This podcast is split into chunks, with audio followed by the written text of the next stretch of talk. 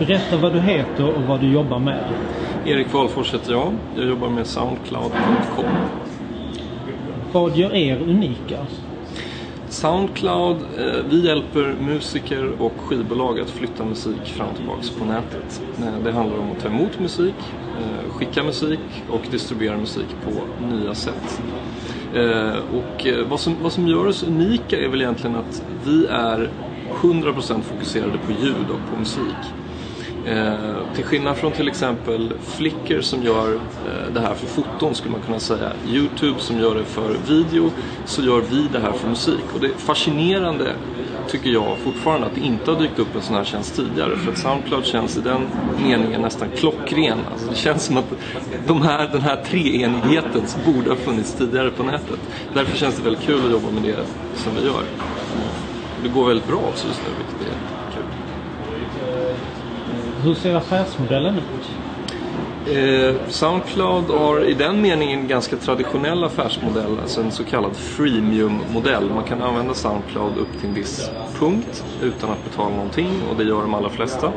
Eh, men om man vill använda vissa specialfunktioner och kunna skicka väldigt mycket musik fram och tillbaks eh, så betalar man lite för det varje månad.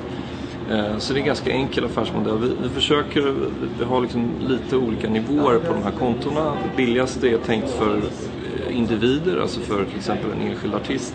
Medan den, eh, eh, de högre nivåerna är tänkta mer för skivbolag och folk som ja, jobbar professionellt med musik. Kanske en mindre grupp med folk eller så. Vad inspirerades du av när du började jobba med Soundcloud?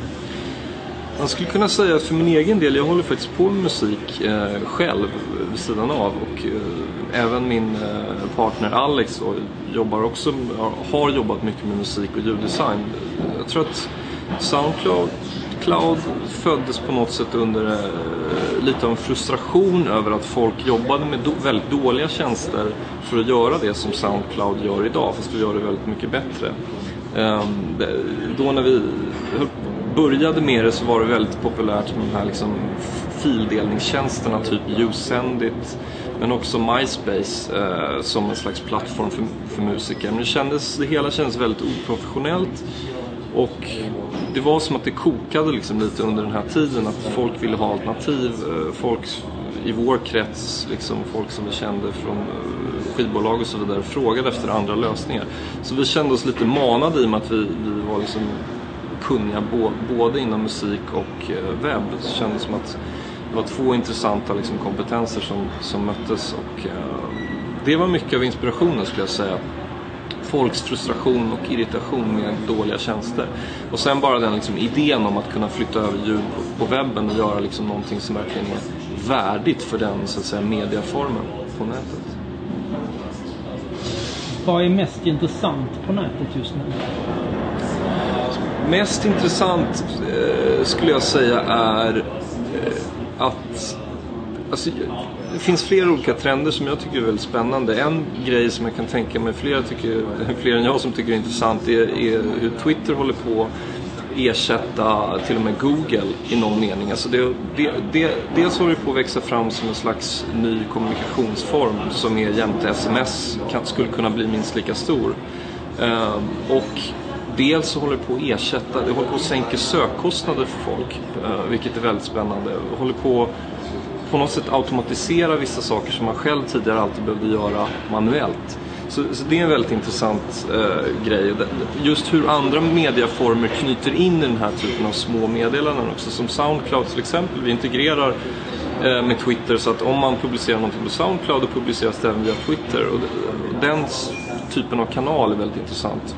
Jag, tror att det kommer, jag pratade faktiskt med en entreprenör som jag inte kan nämna vid namn och om ett projekt som jag inte heller kan prata speciellt mycket om men som har väldigt spännande typ av social filtrering som man skulle kunna bygga på, på Twitter. Och det, det, den typen av trend är väldigt intressant tycker jag. Um, och där känns det också själv liksom spännande för vår del för att vi spelar en del, som en roll i det. Hur, till exempel hur ljudblogg, nyhetsflöden, liksom, ljud i allmänhet skulle kunna passa in i, det, i det, den bilden.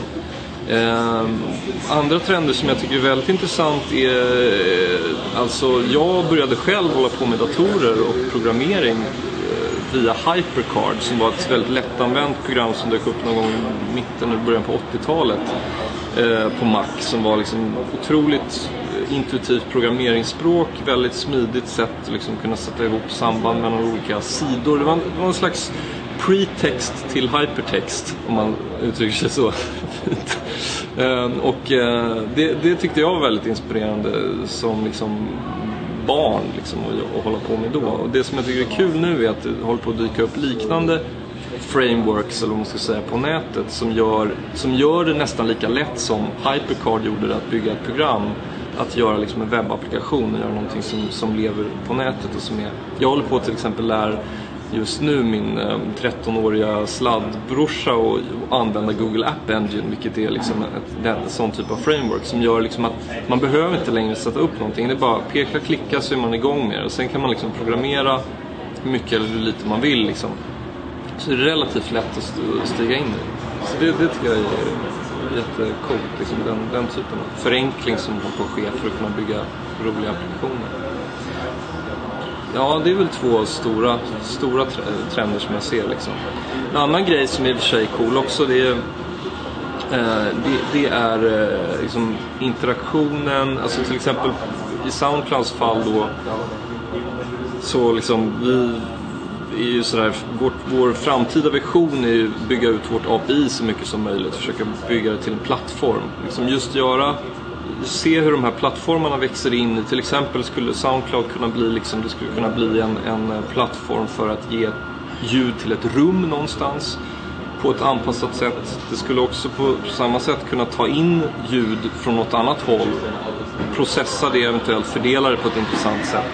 Så den typen av plattformstänk, att se Soundcloud som en knutpunkt för media och eh, en slags router liksom som, som uh, Eh, tar emot media och distribuerar den på olika sätt. Det är ett väldigt fascinerande tänk tycker jag som, som blir intressant. Men det har tagit lång tid. Det har tagit ett och ett halvt år hittills bara att bygga upp Soundcloud så vi är på liksom en adekvat nivå överhuvudtaget. Nu är det fortfarande jättemycket att bygga vidare på så det är, vi är fortfarande bara i början av det men det är väldigt, väldigt spännande.